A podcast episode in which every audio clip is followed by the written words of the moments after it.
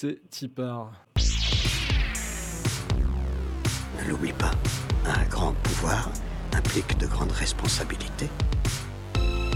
Miss à bord I'm Batman. Up in the sky, it's a bird. It's a plane. It's Superman. Bienvenue et bonne et heureuse année à toutes et tous de la part de la bande des comics. Vous êtes sur Radioactive et nous écoutons. Excuse-moi.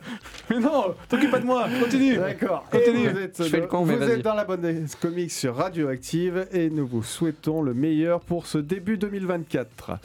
On va tâcher d'être euh, cette année encore au rendez-vous de qualité pour parler du vaste monde de la BD, du manga et du comics.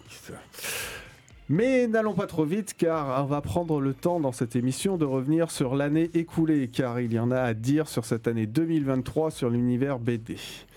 Pour m'aider et à ne pas trop dire de bêtises, ils me font déjà bafouiller, mais bon, on va, on va dire qu'ils continuent à m'aider. Voici la bande d'experts qui m'entoure. Tout d'abord, le premier va sûrement nous dire plein de mal, mais il le fait si bien qu'on lui pardonne. Bonjour Rémi Bonjour mes amis et ben, bonne année à tout le monde alors. Meilleurs vœux. Eh oui, le deuxième, calé aux manettes, il assure un soutien inestimable, digne d'un super-héros. Vert, bien sûr. Eh oui. Salut Jay Salut, salut. Prêt pour cette début d'année? Oui, très très bien. Elle Bon. démarre nickel. Ça. Et le troisième et dernier est discret, mais pour ceux qui nous suivent régulièrement, vous savez que ça n'en rend pas moins plus intéressante ces interventions. Bonjour Gilles, comment vas-tu? Oh là, ça va super et toi? Oh là, oh là, qu'est-ce Eh ben écoute, euh, ça va, je vois que tu as fait ton travail en Espagne, c'est très bien. Duolingo. Oh là là là là. Bon, messieurs, comme vous le voyez, en ce début d'année, ça commence déjà un peu en galère, mais c'est comme ça qu'on aime. Bon, allez, on part sur cette édition de la bande des comics, bilan 2023, c'est parti. Breaking news. Alors, d'abord, quelques petites actualités vite fait. Euh, bah écoutez, c'est moi qui vais commencer. Ben voilà.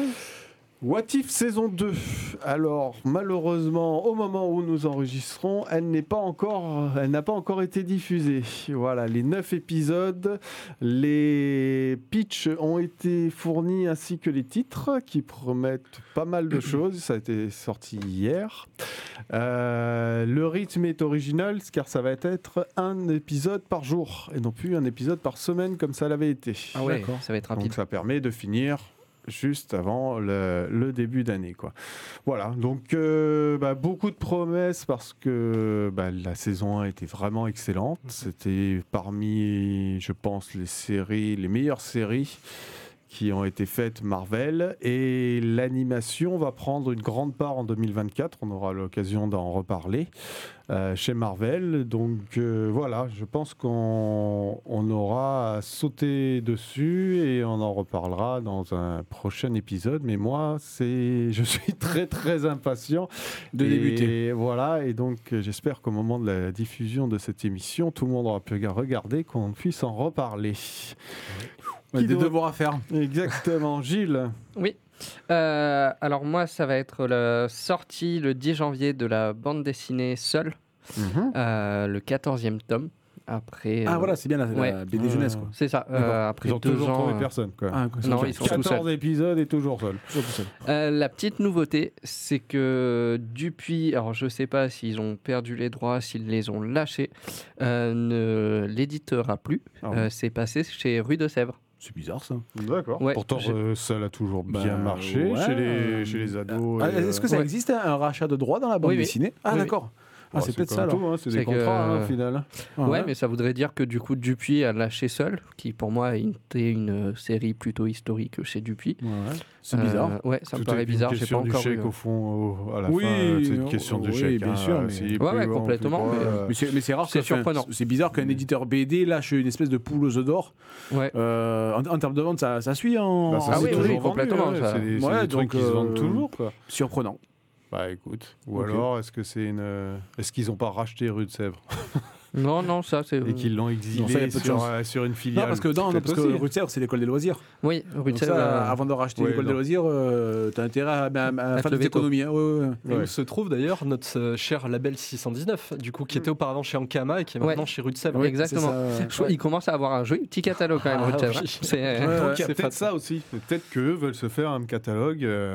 Oui, mais c'est bizarre de la part de Dupuis qu'il lâche. Qu'il Ouais, lâche ça. Moi, c'est ça. C'est. Bon, Peut-être enfin, un voilà, on n'est pas dans les, dans les hau- hautes sphères pour, euh, pour savoir ça, mais des fois c'est un prêté pour un rendu. Enfin, on verra. C'est Mais ouais, écoute, bah, 14e tome, donc il devrait, à mon avis, marcher. On a toujours. Il prévoit de le finir ou c'est pour l'instant?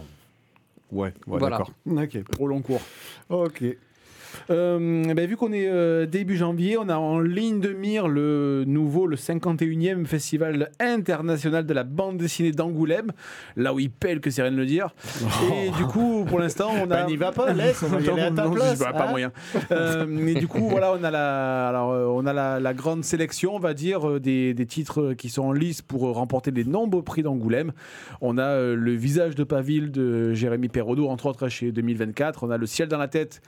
On en a parlé dans l'émission, euh, la dernière émission de décembre. Qui a reçu le prix ACBD. Euh, on a Saga chez Urban, on a Saint-Elme chez Delcourt. Apparemment, une série qui marche très, très, très, Mhm. très bien, que je n'ai jamais euh, lu. On a Slava chez Dargo. Euh, The Nicest of the Lake. Voilà, j'en ai, j'en ai, parlé. Et euh, on a aussi, mais et, et surtout, c'est une sélection qui est très marquée par les éditeurs indépendants. euh, Presque Lune, Atrabil, Oui, bah, 2024, Cornelius. J'ai lui le blasé. Mais, mais voilà, du coup, alors, du coup, moi je trouve ça bien de mettre à l'honneur la BD indépendante. Je me demande ce que viennent faire là les, les gros éditeurs euh, d'Argo. euh, alors, euh, et du coup, je me dis, bon, est-ce qu'ils sont là juste pour faire de, du- de, de la représentation? Est-ce qu'ils peuvent avoir un prix? Parce qu'on sait que ce sont des éditeurs qui, on va dire, qui publient des choses assez, euh, assez balisées mais voilà, par exemple, enfin, Saga, Saga, je sais même pas ce qu'il fait là-dedans, tu vois. euh, je crois que l'année dernière, ils avaient mis le deuxième tome de Friday, je crois. Enfin, ça n'a rien à faire là, quoi. Il y a tellement mieux à promouvoir en comics, donc euh, bon, voilà. Mais quoi qu'il en soit, dans trois semaines, c'est le ou dans Le dans plus perché semaines qui gagne. Voilà, donc euh, Et à la fin, voilà. Et à la fin, Bah, c'est pas les Allemands, c'est plus perché. Alors, quand c'est perché et en allemand, alors là, Ah, là, la directe. Les mecs, ils se posent. Qui Voilà est pour le président cette année Ou présidente? Euh, je J'ai bien fait de poser la je l'ai question. su, mais alors non, je l'ai pas en tête. J'ai pas l'info. Non, Non, d'accord. non, moi j'attends que la liste euh, soit plus resserrée pour commencer à m'y intéresser. Euh, oui, c'est pas plus bête. Ok. J'ai. Une nouvelle concernant euh, Marvel et Panini qui nous propose euh, une nouvelle collection. euh, en 2024, à partir du mois d'avril, ils vont sortir un tu as- format poche qui Une s'appelle Marvel information de premier Pocket. plan Arrête Et donc, effectivement, On ils suivent jamais les. des services presse de Panini, moi je. Jamais. De toute façon, ils en donnent pas. Ah, bah, ils n'ont pas besoin, mais bon. C'est- Ouais, pas trop le, le genre de la maison. Non, vas-y. Après, ils vont nous faire. euh, bah, du coup, ils ont, ils ont suivi la vague de euh, Urban qui nous a sorti ses, euh, ses éditions nomades. Et comme on avait vu précédemment, qui a quand même un paquet de titres dans les 20 premières ventes euh, en France, du coup en 2023, notamment sur le premier semestre. Mhm.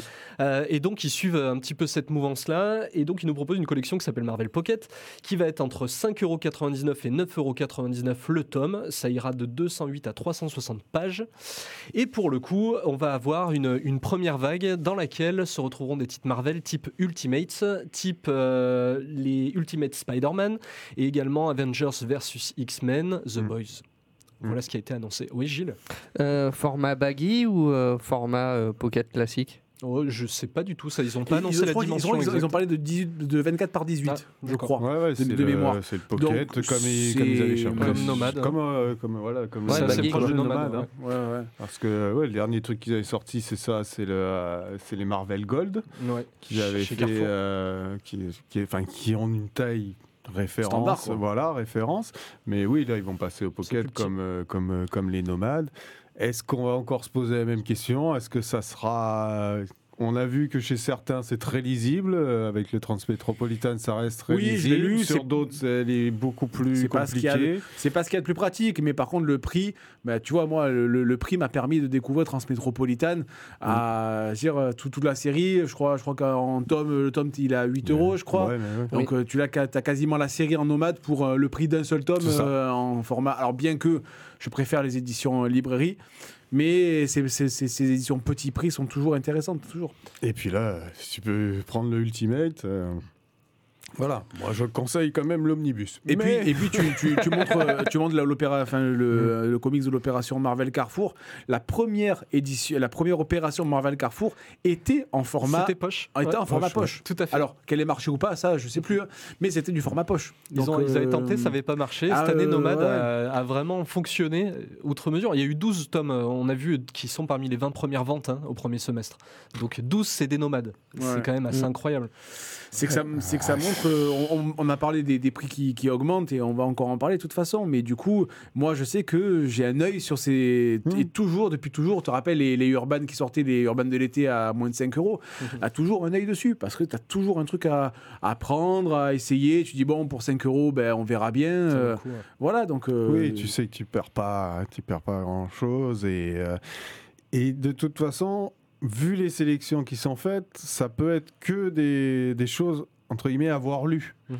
Tu vois. Euh, C'est là, des le choses assez X-Men versus Avengers, euh, le premier, euh, tu faut, faut l'avoir lu, faut l'avoir lu Oui. aussi, surtout s'ils partent. euh, Et puis, et puis ce on- je sais pas si on va finir là-dessus, mais ce qu'a bien fait Urban, c'est de, de faire à la fois de la licence, euh, tu vois, Superman, Oui, Batman, oui, et aussi de l'indépendant. Mhm. aussi. Bon, voilà. C'est- Et est-ce que Panini va arriver, enfin Marvel va arriver à faire euh, de même parce que ils n'ont pas beaucoup de titres en, en indé? Hmm, ouais, partir sur Pas- l'indé, je pense pas. Est-ce je pense que, et c'est souvent ce que fait Panini, c'est que ça leur permet de ressortir des, vieilles sagas qui étaient assez, euh, voilà, comme Korvac, euh, je pense, qui, étaient qui sont peu connus, mais qui ont un intérêt quand même parce que c'est de- c'est des trucs de qualité. Oui. Euh, voilà, je pense que. Et du coup, ça mettra fin aux opérations euh, à 6,99. Ah, il y a des euh, chances, ouais. Voilà. Donc, parce qu'on on sait que. Il y a des chances Ouais, ça quand la pas qu'ils ils vont se priver deux fois la possibilité. de- Je pense pas. Ouais, C'est parce ouais. que ça, ça Comme va. Urban. Ça, oui, mais comme Urban, ça va, ça, Ouais. ça va faire Ça son a pris la place de. Donc euh, Urban a mis fin ça à leurs opérations d'été à 5, à 5 euros. Je vois pas, après je peux me tromper, hein, mais Mm. je vois mal euh, Panini euh, jouer sur les deux tableaux. Je pense pas. Ils peuvent la décaler à septembre. Ouais, aussi. ouais. Rentrée scolaire, tu te cales un truc euh, petit prix. Et je crois que pour le moment, ça se fait pas Ouais. à cette date-là. Non, parce que début septembre, t'as rigolo. le, Batman Day qui, on va dire, qui prend toute l'attention. Et, et en fait, Panini inonde, que ce soit Carrefour ou en librairie, inonde d'opérations régulières à petit prix avec le, le 8 mars. Euh, ils en font toi, tout, à chaque fois une palanquée. Ah, et le puis- problème, c'est que, pardon, Vas-y, pardon de te couper, mais euh, en termes de, de- de comics, on n'est pas. Bah, on n'est pas franchement un gros panel de, de personnes. Et euh, voilà, comme tu dis, on- ici on le voit où on a des petits rayons comics. Mm. Je pense que s'ils veulent vendre, ben, autant le faire sur, sur, une Mm. petits, sur des petites, euh, petites éditions comme ça qui ne leur revient pas forcément cher. Ah Et, et voilà, il n'y a pas assez de demandes, je pense. Et d'ailleurs, euh, d'ici aux US euh, se met à faire aussi cette année. Là, ils ont annoncé du format poche aussi. C'est-à-dire même DC Comics eux-mêmes euh, aux États-Unis. Ouais, Ils s'inspirent un petit peu de ce qui se passe sur le marché européen parce qu'ils voient que ça vend, en fait, ça Mm. fonctionne. Ouais, bah, Ouais, bah, de toute façon, dès que ça marche, euh, dès qu'il y a un intérêt économique euh, et que ça fonctionne, Ah, à l'heure dire, actuelle, avec toutes les augmentations, euh, Ouais. C'est pas cher et c'est pérenne. C'est-à-dire que tu l'as, tu l'as tout le temps en librairie. Oui. À partir de ça, euh, ma foi, tu sais que tu n'auras pas de problème de rupture. Exactement. Exactement. Bon, bah écoutez, on a fait un peu le tour de quelques actualités. On va faire un- une première pause musicale. Alors, oula Il y a plein de noms, là. Oula. Ils sont nombreux. Ils sont nombreux. Hein. Limbiskit, Redman, Method Man, DMX pour Rolling Ghost Rider. Oui, tu prends les grands classiques. De retour dans la bande des comics sur Radioactive 100 FM ou radio-active.net. Nous allons passer à notre euh, bilan 2023, messieurs. Alors, en première partie, je voulais vous interroger sur vos top flops rapidement euh, concernant cette année. Alors, euh, Rémi, commence un peu. Euh, Essaye d'avoir des tops et pas 200 flops. Alors en flop, en flop c'est ben, tout le tout le MCU, euh, DC, EU, X, euh, voilà univers partagé. Tous ces films, on en a déjà parlé plein de fois. Tous ces films qui deviennent inintéressants et qui montrent aussi que euh, il faut arrêter de prendre les spectateurs pour des dindons. Et on arrive aussi à la crise des, euh, des, des scénaristes et des, euh, des ingénieurs en, des effets spéciaux qui montrent que Marvel est très très mal. Et j'espère qu'avec euh, l'arrivée de James Gunn euh, chez, chez DC, va voilà, refaire quelque chose d'intéressant, de, cohérent, de, de penser sur le long terme. C'est mon, mon premier flop. Et euh, mon, mon premier top, en fait, j'ai envie de, de décerner un, très très grand coup de, cha- coup de chapeau au label 619 qui propose des choses de qualité. On a vu que euh, J, euh, enfin, J, tu avais raison sur Frontier qui a, qui a, été, qui a eu un prix. Euh, ce sont des, Un ou deux. ce sont des, de très belles éditions euh, qui ont, sont pas chères. Euh, je pense à Okae. euh, Mhm. Mm. Et donc voilà, donc c'est, je trouve que c'est, c'est vraiment, euh, il y a un, un exemple à suivre de leur côté pour les autres éditeurs de proposer des choses de, de qualité à des prix très abordables. C'est eux qui avaient commencé par les pulp Enfin, des Oui. copies de pulp. Oui. euh, Pas de Doggy Bag? Ouais, voilà, ouais. Ouais, ouais, c'est ouais. ça, c'est c'est- Ouais, ouais. c'est 619. D'accord, j'avais un. Ouais, avec euh, t'as Run, euh, Mathieu Bablé euh, qui, qui, ont pris, qui ont pris tout ça sur, sur leur, leur, leur aile. Et du coup, je trouve qu'à ch- chaque sortie, euh, alors je suis loin d'avoir tout, lu, mais il y a une attente. Et ce sont des, des dos toilés, tout ça. On sait que ça apporte un petit, un petit plus. Mais voilà, quand, et quand les mecs ils arrivent à te sortir un Okae à un peu moins de 22 euros, là où tu as d'autres éditeurs qui te sortirent à 30 à l'aise, enfin, je trouve que c'est très très fort parce que la qualité de l'objet et euh, de De l'histoire, de l'histoire, euh, tout, tout est là. Donc euh, pour moi, le label 619 euh, haut la main, c'est mon, mon grand top de l'année. D'accord. Euh, bah, je vais rester sur ton top. Bah, Oh. Moi, en top, j'avais mis euh, la BD Frontière. Ah bah oui. Ah, forcément. Voilà, donc bien sûr. Frontière, Oui. euh, on le sait que c'est ton, c'est ton coup de cœur de l'année. Ouais, euh, j'avais mis euh, en top aussi, pareil, le nouveau Astérix, parce que je trouve qu'il est euh, vraiment très très bien. Euh, c'est un des meilleurs euh, Bah, de ces longtemps. dernières années. Ouais. Ouais, pas compliqué. mais Oui, oui. oui. Ouais, mais non, oui, mais, mais euh, c'est bien, de le dire, bien sûr. Non, non, Ça, euh, je m'attends- avec Astérix, je me... pour moi, c'est une vente facile. Enfin, je le pose, Mm. ça Mmh, part. ouais. Là, celui-là, non, en fait, il y a vraiment quelque chose derrière qui est intéressant. Enfin, il est dans l'esprit, génial. Euh, top aussi, c'est euh, bon, bah, le Black Sad, qui, ter- qui termine très très bien. Euh, et en Le flop, Partie 2. oui, le partie 2. D'accord. En flop, euh, j'ai mis euh, Qui est ce Schtroumpf de Thébault, où j'ai pas du tout accroché euh, au graphisme. J'ai pas C'est réussi. euh, c'est la réinvention de, des Schtroumpfs, hein, Ouais, c'est ça, ça. Euh, Oui, oui Avec c'est vrai des gros nez. Très particulier. euh, oui, Ça, ils ont- c'était, ah, ils ont des plus gros nez que des chapeaux, c'est dire. Chez les Schtroumpfs, c'est dire. hein. Ah ouais, non, mais peur, c'est. hein, quand même. hein. Ouais, Ouais, je me suis dit, où est-ce qu'il va là j'ai eu peur Faut l'arrêter, mais- ouais. Ouais, non, non, non. Bah. Euh, voilà, il y avait la BD euh, Neo Forest qui avait été euh, une BD de science-fiction semi-écologique. Bon, Euh, pas top top. Et mon préféré, c'était le manga New Normal. Euh, un super manga. Vous prenez le Covid, c'est pareil. Ouais, donc. Tout le monde avec des masques. C'est génial. Ouais, c'est- on sent l'ironie quand même, un peu derrière. Non, mais un petit peu. d'ironie. euh.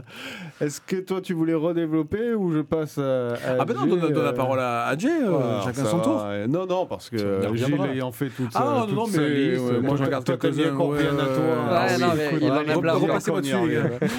Alors, on t'écoute, Jay. Bah, je vais faire un petit peu comme vous, je vais essayer de regrouper. Euh, en, en top, pour le coup, c'est vraiment les comics indés. Euh, cette année, il y a eu de très très bonnes choses. Euh, N'en déplaise à notre ami Rémi. The Nice House on the Lake, c'est un des seuls Oui. qui, pour moi, enfin voilà, atteint vraiment la quasi-perfection. Et Do a Power Bomb, Immortal Sergeant, il y a eu des trucs très très bien qui sont sortis. L'animation. L'animation, c'était l'année de l'animation, clairement. euh, Cross the Spider-Verse, The First Slam Dunk, euh, Tortue Ninja, euh, Teenage Years. Enfin, il y a eu vraiment plein, plein de très bonnes choses en animation. Euh, en revanche, sur les, euh, les flops, euh, pour le coup, c'est vraiment les comics mainstream parce que les grosses séries, que ce soit chez DC, Marvel, c'est pas du tout à la hauteur pour l'instant. Donc, on a le temps de voir avec Dawn of DC ce que ça va donner en, en France, notamment pour, pour DC. Oui, parce qu'il relance une énième fois. rappelons-le. Voilà, et ouais, un nouveau, un nouveau reboot, mais, mais Marvel va faire pareil parce qu'il y a- de Ouais. nouveaux Avengers, il y a, y a les nouvelles séries Captain America qui arrivent en France là, et il y a, y a tout un tas de choses qui débarquent aussi, les, les X-Men qui arrivent à la fin d'un cycle, donc Ils vont relancer l'univers Ultimate. Moi, je, moi, Eh je oui. suis très Eh oui. en attente de, la relance de, de, de l'univers Ultimate avec euh, tu Oui. Avec qui Hickman, Oui. Jonathan Ouais, Hickman, euh, notamment. Je, confonds toujours avec Kirkman, hein, mais c'est Hickman. Mm, hein, qui- Hickman, ouais. Donc bon, on est quand même sur une certaine référence. Ça peut, Oui. ça peut bien tourner, mais euh, le pire, c'est pour faire un parallèle entre ce que vous disiez tous les deux, c'est que euh, c'est quand même le com- les histoires comiques qui tiennent encore plus la route que les, les séries Ah, malgré ou tout, films oui. qu'on a eu. Ah, euh, série film cette année, c'est un des gros flops. tout, hein. donc, Ah oui, clairement. oui, bien clairement, clairement. Il y a, y a qu'un- on voit que c'est quelque chose de global, que ça pêche globalement et qu'ils ont besoin de se réinventer. Ça, mon avis, ça passera d'abord par les, par, les, par les BD. On l'a vu de toute façon, si tu veux une bonne réalisation, il faut que ton auteur soit intégré dedans et Oui. pour que ça rentre. quoi. Oui, mais en plus, moi, clairement, je, je suis même pas un public des, des séries euh, régulières comics. C'est tellement le foutoir euh, qui a. je- non, mais je suis désolé, il n'y a, aucun intérêt. Je veux dire, quand je, je plante devant, euh, tu vois, la, la librairie, devant le rayon comics, absolument rien ne me donne envie de me lancer dans une euh, série régulière, autant chez DC que chez Marvel. Mm. Ça devient tellement. J'avais vu passer un Hulk où il fait partie de la mafia. Oh, arrêtez, les gars. On, dit, on dirait, tu sais, on, tu- on dirait que c'est un, un gosse de, de, de, de 7 ans qui est à la tête euh, de, de Ouais, qui chez Marvel. Ah, mais ouais. aujourd'hui, qu'est-ce qu'on va faire? Ou une IA, euh, peut-être, tu- hein Tu vois. euh, C'est peut-être une IA qui- non, mais bon, donc du coup, euh, du coup, voilà, je, je trouve que je trouve que c'est le- l'éternel problème de la continuité. Ouais. Les personnages, à un moment, tu ne sais plus quoi en faire. Mm. Et quand tu as des personnages qui ne peuvent pas mourir, ça devient oh, forcément, il y, a- il y a de la répétition, forcément, ça devient chiant. Donc, euh, je trouve qu'il y a beaucoup de réflexion à avoir de ce, de ce côté-là, quoi. Ouais, mais là, ça devient du. euh, Est-ce que c'est pas le problème euh, des, euh, des contrats aux États-Unis Où c'est la maison d'édition qui tient les personnages et du coup, c'est plus compliqué derrière? Oui, parce que, euh, parce que ton, ton personnage est un investissement à long terme et il pourra jamais rien se passer, jamais rien arriver. Donc euh, voilà, moi je vraiment quand je vois des mecs sur, sur Insta qui se, se hmm, avec leur, leur collection de, de Marvel et Dawn of X machin, je dis bon courage quoi, bon courage. Bon, parce déjà, que- ils prennent en VO. C'est un choix, c'est un choix. Non, non, Ouais, mais ouais, même en VF quoi, tu dis bon courage, vous savez même pas où vous allez et, et forcément tu sur 25 numéros, 25 tomes librairie, tu peux pas avoir de la qualité, c'est pas possible. c'est. Ouais, dans la masse. Allez. le coup, euh, mais ouais, ouais. Non, mais voilà, c'était ça. Et puis terminer sur les effectivement séries films. Grosse déception, notamment sur Secret Invasion que j'avais adoré en Mm. comics. La série, j'ai eu un mal fou à avancer dessus et je, je l'ai pas regardé jusqu'au bout. Et c'est rare pour le coup. euh, Ah oui, quand même. c'est, c'est ouais, c'était lent, il se passait rien, il y avait zéro enjeu. Ouais, non, c'est vrai que ça a été une des, une des séries pour, euh, pour implanter un nouveau personnage qui va sûrement poser problème dans la continuité. Enfin, bref, c'est vrai que ça a été une, grosse déception. C'est dommage de dire au revoir à Fury là-dessus. Donc, euh, bon, écoute, on, on verra bien. On ne pouvait pas avoir du parfait depuis. Non, non, mais là, avoir du bon. C'est pour ça que je reviens en disant que l'année, ça sera l'année de l'animation, je pense. Ah, mais oui, complètement. Voilà, parce qu'avec le What If, euh, le... ils vont faire une sur Wakanda aussi. Ouais, ouais, ouais. euh, il va y avoir beaucoup, beaucoup d'animations, plus de façon plus large aussi sur l'univers Star Wars. Euh, voilà, à, à suivre. À et, surveiller. euh, voilà, peut-être. que- Mais il y a eu une prise de conscience. Ça, ils pouvaient pas le rater quand même. Ah, ça. Et un, un changement de paradigme qui fait que là, on va passer sur du qualitatif plutôt que le quantitatif. J'ose espérer, honnêtement, oui. Déjà, Bah. je l'avais- noté dans mes, dans mes flops, mais c'est c'est, euh, Daredevil, la série qui est retournée carrément, quoi. Mm. Non, mais c'est fait, Oui, c'est pas, Again. c'est pas rien. Pour qu'ils disent, attention, non, là, on, on se vote. Ouais. Au, bout de On quatre, arrête- euh, au bout de quatre épisodes, vois, ils ont dit vous, re- vous reprenez. On, tout- on arrête tout, c'est que clairement, euh, il y, a, il y a eu un, un- un gros problème de direction artistique de ces séries, de ces films aussi, qui, voilà, comme on le dit, ne, ne présentent plus aucun intérêt et partent dans des directions totalement euh, farfelues. Et il y a- j'ai j'ai l'impression qu'il manque quelqu'un pour chapeauter vraiment, pour dire, voilà, on va dans cette direction et tout le monde suit et tout le monde essaie de proposer des choses de, de qualité. Ou c'est l'inverse, c'est peut-être. euh, euh, pardon, excuse-moi. Non, non, ce qu'on peut espérer avec Gunn chez ODCU. Mais... Ah ben oui, C'est, moi, j'ai l'impression que c'est, c'est presque l'inverse. C'est qu'il y a quelqu'un qui chapeaute trop chez Marvel, c'est Kevin Feige, qui est sur son univers et qui est pas un réalisateur à la base, qui est pas un créatif. Ça pour avoir lu et écouté pas mal de choses là-dessus. Clairement, le gars, en fait, il est, voilà, c'est un commercial. Il essaye de faire toujours la même recette et en fait, justement, ils explorent pas et ce qu'il peut faire avec les personnages. Et, Mm. et pour le coup, on a vraiment tout le temps le même film à, à l'envie. On a eu je sais pas combien de films, de séries. Mhm. Et quand il laisse les clés un petit peu à des créateurs, comme on a pu avoir sur Vendavision, comme on a pu avoir sur, sur d'autres œuvres, c'est un peu plus intéressant. Et visiblement, le, le réalisateur de Loki, de la série Loki, alors Mhm. la 2, je ne l'ai pas terminé encore, mais pour c'est le lui coup. qui euh, reprend en main la voilà, c'est lui qui va reprendre euh, le, le- le gros plan euh, pour le coup, ça. et même les films. euh, Ils ont viré celui de, de Ant-Man suite, à- au, Suite au flop flop. que ça a Ouais. été. Ouais. Et euh, ils prennent celui de, de Loki pour, euh, pour recadrer un peu l'ensemble. C'est pour ça que l'année prochaine, on n'aura que Deadpool 3 qui va sortir. Ça va être une année plus calme, ouais. Voilà. mais c'est pas plus mal. Et Ouais, c'est mieux bien. parce En film, ça partait film. dans tous les D'accord. sens. On n'a que Deadpool 3. Deadpool 3, ça sera en le seul Marvel, film euh, Marvel qui va sortir. D'accord, euh, C'est bien Ah ben oui, c'est bien. Euh, Du coup, après, comme je, t'avais dit, Euh, un peu peur les gens vis-à-vis de re- Disney. reviennent à l'envie Mais- plutôt que d'en voir un qui sort tous les 4 mois. Ah ben oui, parce que forcément, tu, tu fais un choix et, et forcément, euh, tu sais très bien, j'avais très bien compris que chaque film n'était que euh, la, la séquelle, enfin, la, la Ouais. préquelle du prochain. Donc ça, pré- ne présente plus aucun intérêt. Ce qu'ils avaient malheureusement réussi à faire sur la, la phase 1, avec la menace de Thanos qui pesait vraiment, tu vois, et à chaque film, tu disais, putain, mais quand est-ce qu'il va arriver? On en voit de plus en plus. Là, Bah, le premier ils ont- film, il, il ils déballe tout. été voilà, donc, coincés euh, par le fait que le mec euh, Major a ses, a ses problèmes de, de justice. Ouais, l'acteur de Donc Kang. il pouvait pas Ouais. non plus mettre Oui. Kang partout. Enfin bref. On va enchaîner, messieurs. Euh, J'avais envie que Gilles euh, et, euh, et Rémi, en tant qu'experts euh, dans votre travail, vous nous parliez un peu du bilan euh, 2023, mais euh, au niveau euh, professionnel. Ouais. Voilà, mais visiblement, on va d'abord faire une pause et on va se reporter ça pour la deuxième partie. Donc, euh, cette fois, musicalement, bah, Radiohead, Karma Police, dans Invincible, saison 2, premier épisode. Ouais, qui est actuellement sur Amazon Prime. Vous êtes de retour dans la bande des comics.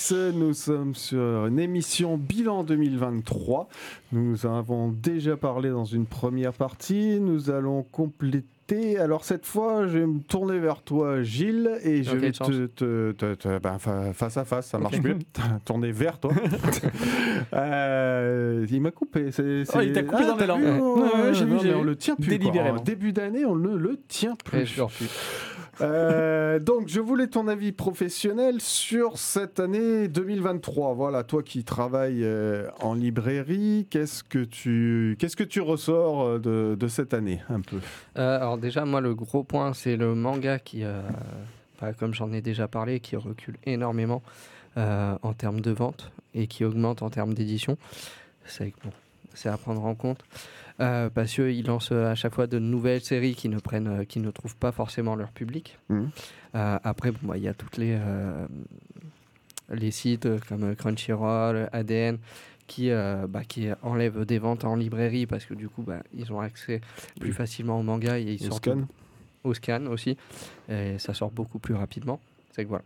Il y a le manga qui est vraiment en recul euh, sur, euh, sur leur sortie et à voir euh, les éditeurs, va falloir qu'ils se réadaptent aussi parce Mhm. qu'on a eu une grosse période avec euh, juste après le Covid où avec le pass culture tout le monde prenait du manga. Enfin, il y a beaucoup de confrères qui ont augmenté leurs rayons, qui ont ouvert des librairies et là on a le retour de la vague. retour- euh, retour de bâton, quoi. Ouais, exactement. C'est qu'à voir comment ça va se passer. Il y a BD franco-belge qui se porte très très bien, qui est en augmentation par rapport à l'année 2022. Ça, que c'est D'accord. euh, c'est chouette. Ouais, c'est pas mal. ouais. Un petit retour sur de la franco-belge, c'est vraiment très très bien. Et euh, il y a le comics qui vraiment stagne. Euh, Il n'y a pas eu vraiment de grosse envolée euh, quand je pensais avec euh, bah, tous les petits prix qu'ils ont pu Mhm. sortir. Euh, c'est qu'à voir euh, bah, avec cette nouvelle année euh, s'ils vont évoluer. Est-ce que ça, Euh, ça, se, ça se voit pas dans les grands magasins? Parce que c'est vrai que souvent c'est exposé en grands magasins, donc peut-être que tu ne le vois pas, te- pas de la même façon, toi, en librairie. Peut-être. Après moi, c'est le retour que j'ai de différents confrères euh, libraires. D'accord. C'est vrai que j'ai personne, euh, enfin si, j'ai qu'une collègue qui travaille à, à Cultural, Cultura du côté de Narbonne, mais elle a à peu près le même constat que moi. Mhm.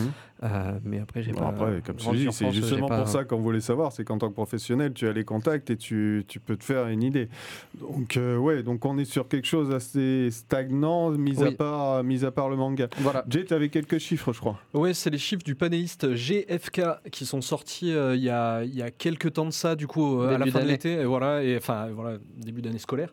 Euh, donc, on n'a pas encore les chiffres finaux de, de l'année 2023. En revanche, il y a une tendance qui était, euh, qui était assez nette. C'était la baisse des ventes globales de bande dessinée, euh, comics, manga et franco-belge. Euh, la, la baisse, notamment le deuxième trimestre 2023 par rapport à 2022, c'était Ouais. une baisse de quasiment 17% du, du volume de vente. Hmm. Donc, c'est c'est effectivement significatif alors qu'on a vécu des années euh, d'or hein, pour le coup et notamment pour le manga. Mm. enfin il y a eu énormément énormément de ventes. Les chiffres n'ont fait qu'augmenter augmenter. Et là effectivement la tendance c'est à la baisse. C'est ça. et du coup pour tirer son épingle du jeu c'est pas forcément évident euh, vu la masse de ce qui sort. J'avais j'ai vu que sur le premier semestre 2023 le nombre de, de ventes totales c'est 5000 BD à peu près Euh, donc rien que le premier semestre 2023, ça en donne déjà un paquet. Et euh, juste, on parlait de comics, parce que voilà, souvent c'est le point que je regarde moi en particulier, et ça représente un petit peu plus de 4%. hein. Il y a- on, on entend parler souvent de ce chiffre de 4%. Les 4%. ouais, c'est- Ah, Voilà, et donc ouais, 211 comics sur 5000 BD sortis au premier semestre notamment. Ça donne un petit peu la, la frange de ce que ça représente, quoi. C'est Peanuts.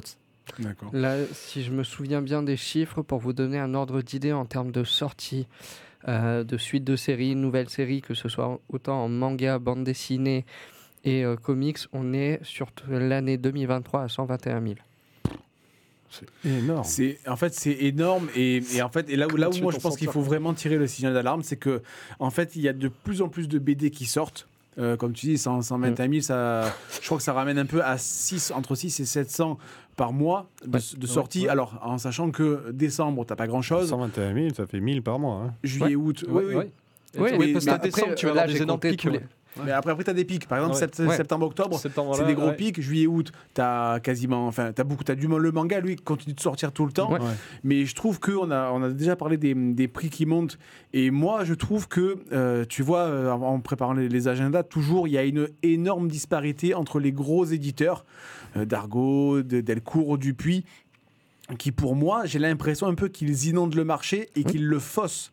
Parce que, et à côté de ça, tu as des petits éditeurs, euh, tu vois, euh, euh, des, des 2024, des, des, des Cornelius, qui, eux, euh, sortent sur une année ce que ce qu'un un, un gros éditeur va sortir en un mois. C'est, enfin, je trouve que c'est anormal. On- il faudrait impérativement, et ça, je pense que c'est le pouvoir du lecteur de dire à un moment, stop, quoi. Il faut, mais, mais il faut qu'il faut arrêter sur les, les réseaux de dire c'est fantastique, c'est génial. Non, il faut arrêter parce qu'en de si c'est pas génial. c'est pas génial. Et surtout, le, le- le- le marché prend une tournure où on, on l'a dit que les, les prix ont, ont augmenté en, en janvier. Euh, on, on a parlé d'Urban, on leur en fout plein la carafe, mais les autres, les autres, oui, je, mais les autres vont, vont le faire aussi. Ouais, mais après, voilà, euh, tu n'as qu'à voir un peu les réseaux. Combien vont dire, oh les gars, il faut arrêter de nous prendre pour des dindons en fait. 3 euros d'augmentation quand tu passes de, de, tr- de 39 Mm. à 42, ça fait combien de pourcentage Sur combien de séries? Donc tout ça, il faut le voir. Et du coup, je, je pense que les éditeurs auraient vraiment, euh, euh, ce serait vraiment une bonne idée de réduire la production parce qu'ils communiqueraient mieux sur leur sortie, ils les travailleraient mieux. Et je suis persuadé, comment tu veux, on a déjà parlé donc dans, dans- dans le top de- de- du label 619, comment un petit label arrive à faire la nique au niveau des, des prix à des gros éditeurs. Mm. C'est que clairement, il y en a soit lui, c'est un magicien, soit les autres, c'est un peu des truands. Alors, je pointe personne en particulier, mais moi, je, je- je- je vais le, je vais le dire clairement, à un moment, les choix vont se faire. Et ce n'est pas en inondant les marchés de sortie, là, je pense vraiment à Panini, qui nous fout des comics dégueulasses sur les étagères dont tout le monde se fout éperdument, parce que je, faut je, je jette un œil à certaines sorties, mais c'est juste bon à faire un marchepied. Et en fait, il faut qu'il il faut Non, que c'est vrai c'est vrai qu'il est dur, mais, mais juste. mais Ah, voilà, mais- il il faut, il faut que les éditeurs, euh, eux, mais, euh, mais, même, mais voilà, je te dis, les, les trois gros d'Argo du Delcourt, les, les, la, la triple D, les 3D, en fait, il faut juste réduire la voilure. Et je suis persuadé que déjà les libraires vont respirer, il y aura beaucoup moins de retours. Euh, je pense qu'il y aura des, des, des- ce qu'ils appellent des bons ou des, des, des, des- des sorties qui seront plus travaillées en communication, etc. Ouais. Il, faut, il faut voir tout ça à la baisse. Surtout qu'en termes de comics, ils peuvent se permettre, euh, entre guillemets, de, en France, de faire de la casse. Euh, en franco-belge, ça veut dire derrière des personnes qui ne travaillent plus, qui voilà, des auteurs qui vont plus travailler, des scénaristes, etc.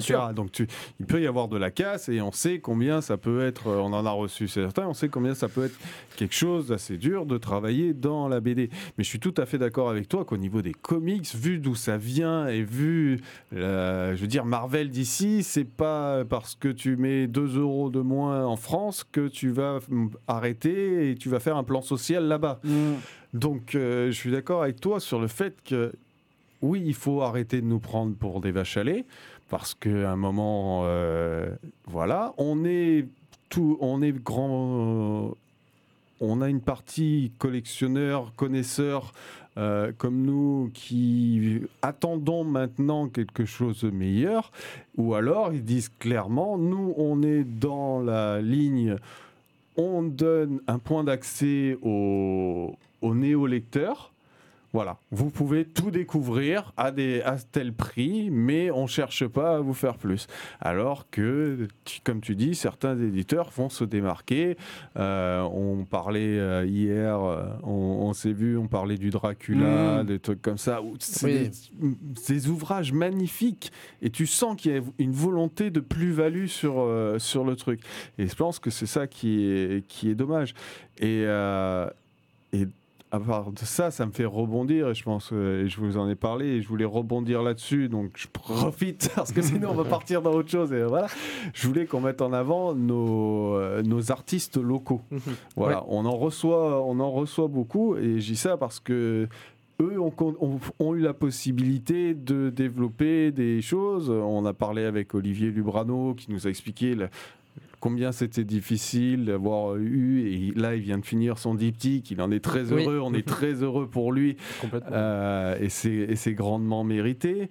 On a vu euh, Aurélie euh, Garino. Garino, Oui, bien qui sûr. elle est passée de la BD enfant, a eu l'occasion de, de- avec Séville Charlie, qui a eu de- des très très bons retours et qui s'est Ouais, très très bien vendu.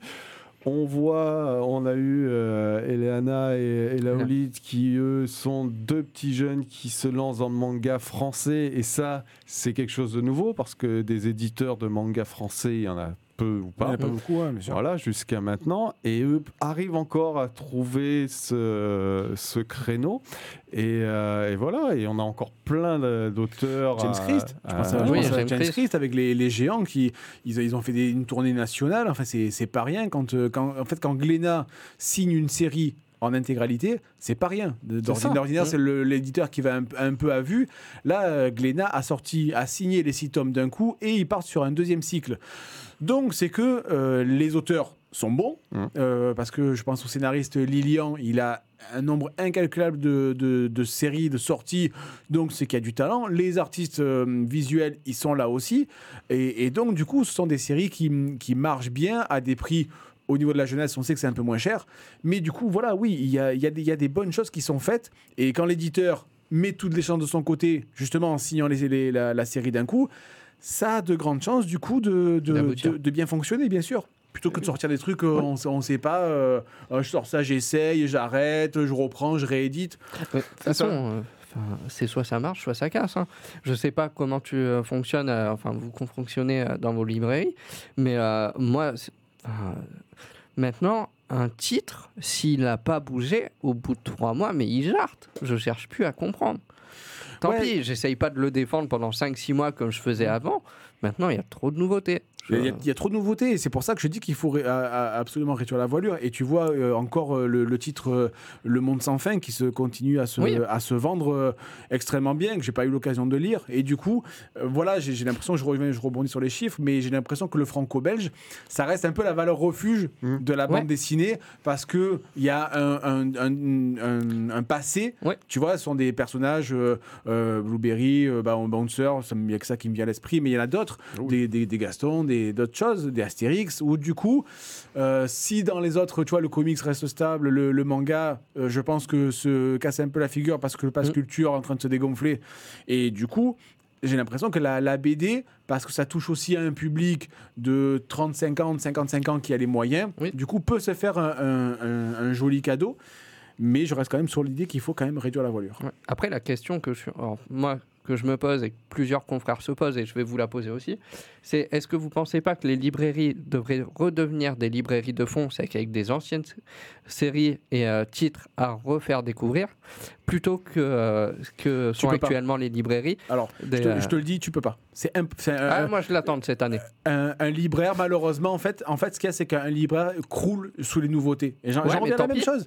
Oui, tant pis, mais en fait, le lectorat est perdu. Le, le- le manga, en fait, j'ai l'impression que le manga, eux, alors parce que c'est pas- peut-être pas cher en termes de coût, mais j'ai l'impression qu'ils te balancent, t'imagines par mois, c'est quoi? C'est du 20, 30 séries Oui. ou 30, 30 sorties par mois de manga. Et on a l'impression que je, je- je mets ça sur la table et puis ben, on va voir celui, celui qui marche. Ouais, mais, mais mais les mangas, pardon, euh, pardon Gilles, mais les mangas profitent aussi du fait que maintenant il y a des gros studios qui sont derrière. Les, je pense à Mappa ou à, Vite, Oui, qui sont en train de te mettre une grosse, grosse claque sur tous les autres titres en termes de qualité et de vitesse de sortie, qui n'est pas forcément la même. On n'est plus sur des trucs qui sortent tous les deux mois comme on pouvait avoir avant, avec des dessins qui ressemblent Ouais. peu à rien. Tu prends les trucs, et en animé, je te dis, on sort c'est des trucs qui sortent tous les ans. Euh, on est sur du très très lourd. Je sais pas si tu, euh, si toi tu dis, tu t'es dit, t'es mis à Blue Lock, c'est Mappa, je crois. hein, ou C'est- Je sais pas si c'est Mappa qui a- mais qui anime. euh, eux, ils animent Mappa, Ouais, c'est un ouais. studio d'animation Ouais, aussi. mais bon, les, les, les poids sont, sont derrière. et après, c'est Crunchyroll. Et euh, ouais, ouais. voilà. Donc, mêmes- euh, enfin. ADN, enfin, je sais plus lequel a racheté l'autre. Mais, Euh, mais on commence aussi à avoir ce poids de, de, Ouais, de ouais, certains, de certaines sur, euh, sur des sorties. Ouais, Donc, mais euh, il y aura aussi cet impact-là qui va se mettre. Et oui, est-ce que des librairies ne devraient pas mais s'afficher comme tel, comme euh, à part, enfin, je veux dire hors, hors mainstream. Hmm. Mais alors à ce moment-là, il faut avoir un sacré, un sacré réseau pour pouvoir vendre tout ça, Ouais. etc. Parce que comment tu vas te retrouver quand tu vas avoir des jeunes qui vont arriver ou même des personnes qui cherchent en disant cherche le dernier Intel, Ça, comment je fais? Et à force de dire non, on prend pas parce que nous on est là-dessus, ça va, ça va être compliqué. Je suis d'accord avec toi. Alors, tu vois, moi, mon idée, c'est pas de me couper de toutes les nouveautés, Hmm. c'est de faire un tri, mais euh, un carton. Tu vois, chez euh, MDS, euh, enfin qui fait Dupuis, d'Argo, j'ai travaillé là mes nouveautés de janvier-février sur euh, 600 titres qui m'a présenté. J'en ai pris 120. C'est la première année où je réduis autant. Ouais, Mais tu vas pouvoir mettre, mais il va falloir que tu le mettes en avant. Ça. Oui, complètement. Mais du coup, si j'ai Hmm. moins de titres, plus de temps pour le mettre en avant et pour les défendre. Mmh, Voilà, donc. euh, C'est ce que je me dis. Après, on verra ce que ça donne. hein. Peut-être que je me plante euh, littéralement et on verra. t'as pas entendu, tu veux le mot de la fin? Non, pas nécessairement. Bon, je, je- si, j'ai nous surveille. Voilà, Je, surveille, je, suis- vrai. je suis bien là. Non, mais je suis, je suis tout à fait d'accord avec vous. euh, Il y, a, il y a quelque chose à revoir. Après, nous, on changera pas à notre niveau. Par Toi, contre, effectivement, un mainstream, enfin, t'ouvrirais un truc euh, comme actuel ou tu ferais un truc. ah, moi, euh, j'ouvrirai resserré jamais une boutique. déjà. Non, mais là, justement, est-ce difficilement que les médiathèques vont pas justement prendre Et, ce euh, rôle-là Il y a- il y, a- un rôle à jouer. Moi, je pense que les médiathèques, pour le coup, enfin, moi, je me forme pour peut-être un jour travailler là-dedans. Et euh, clairement, il y a- y a- on a plein de super médiathèques en plus sur le sur l'agglo, euh, sur la métropole euh, toulonnaise. Euh, mais clairement, c'est le choix entre le, le- le consommateur qu'on peut être et le collectionneur qu'on peut être, effectivement, de choisir les séries, par exemple, qu'on suit, à qui on va donner notre argent. Et c'est pour ça que, que c'est intéressant d'écouter les en prescripteurs, en fait. Euh, pardon? Quand on en a de l'argent. quand, quand on en a déjà, déjà, quand on n'en a pas Ah beaucoup de faire avec ce qu'on a, mais du coup d'écouter les prescripteurs, que ce soit sur Internet, que ce soit une émission de radio comme la nôtre, que ce soit parce qu'on va cibler un petit peu et du coup pas Mm. tout acheter parce qu'on peut pas tout acheter et, et tout lire. Et... Donc c'est pour à ça un moment, cibler quoi. Dire aussi, là, stop. Il faut le dire. Et oui, mais pas- si- mais oui, oui, mais ouais. alors voilà. Alors Bah, voilà, t'as, t'as beaucoup de gens qui, euh, t'en écoutes certaines, tout est fantastique. Non, tout n'est mais pas par fantastique. contre, ce À un qu'on met en avant, il faut le dire. Ce qu'on met en avant souvent, euh, moi typiquement, tu vois, sur, sur, un, sur le blog, j'avais tendance à, à ne pas parler de ce que j'aimais pas. Je voyais pas Mhm. pourquoi j'allais perdre du temps à parler justement Oui, et, oui, et de l'exposition. Parce que même si t'en parles en mal, eh ben les gens, en fait, du coup, t'en parlent quand même. Et sur les réseaux, et notamment sur YouTube, il y a, il y a les algorithmes qui travaillent derrière. Et donc, pour eux, tu l'as mis en avant. Et du coup, moi, c'était vraiment ça. Donc, effectivement, quand je vais parler de quelque chose, c'est un des trucs que j'aime le plus. Mais. Je lis plein de, plein de merde. hein. Et c'est pour ça que d'ici, par exemple, je lisais plus que Nightwing. J'ai arrêté complètement Batman, j'ai Ouais. arrêté tout. Là, en France, on a. On a Green Lantern à Green Lantern, je lis en VO. C'est pas pareil. Ça, c'est- ça sortait plus en France. Par contre, ça va arriver chez Dawn of DC au mois d'avril, Green Lantern. Clairement, je vais le prendre. Ouais. Et je vais tester de nouvelles séries là. Mais clairement, si c'est pas à la hauteur, j'arrêterai. Et, et j'arrête de lire juste pour tout lire en quantité. Ouais, en fait, il n'y sûr, a pas d'intérêt, tu vois. C'est de lire ce qui nous plaît, en fait, et voilà, d'essayer de cibler ce qui est de qualité. C'est pour ça que le fait qu'on soit quatre avec euh, des univers oui. différents permet de compléter. Pour un mec qui avait rien à dire, je trouve Euh, que bah, ça- il en a dit voilà. beaucoup. Bon, vous voyez, euh, chers auditeurs, on aurait pu en parler très longtemps. Il y a encore beaucoup de choses à dire. Euh, je pense qu'on essaiera de faire un échange sur les réseaux. N'hésitez pas, envoyez-nous des questions. On en, on en sera très heureux et on sera très heureux d'intervenir avec vous, soit à la radio, soit sur les réseaux.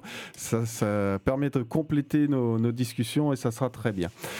Ok, bah, on va passer au quiz. Il nous Quiz, reste un fait. peu de temps pour le Oui. quiz parce que sinon Oui. une émission ne serait pas totalement complète. Allez, on voit le jingle.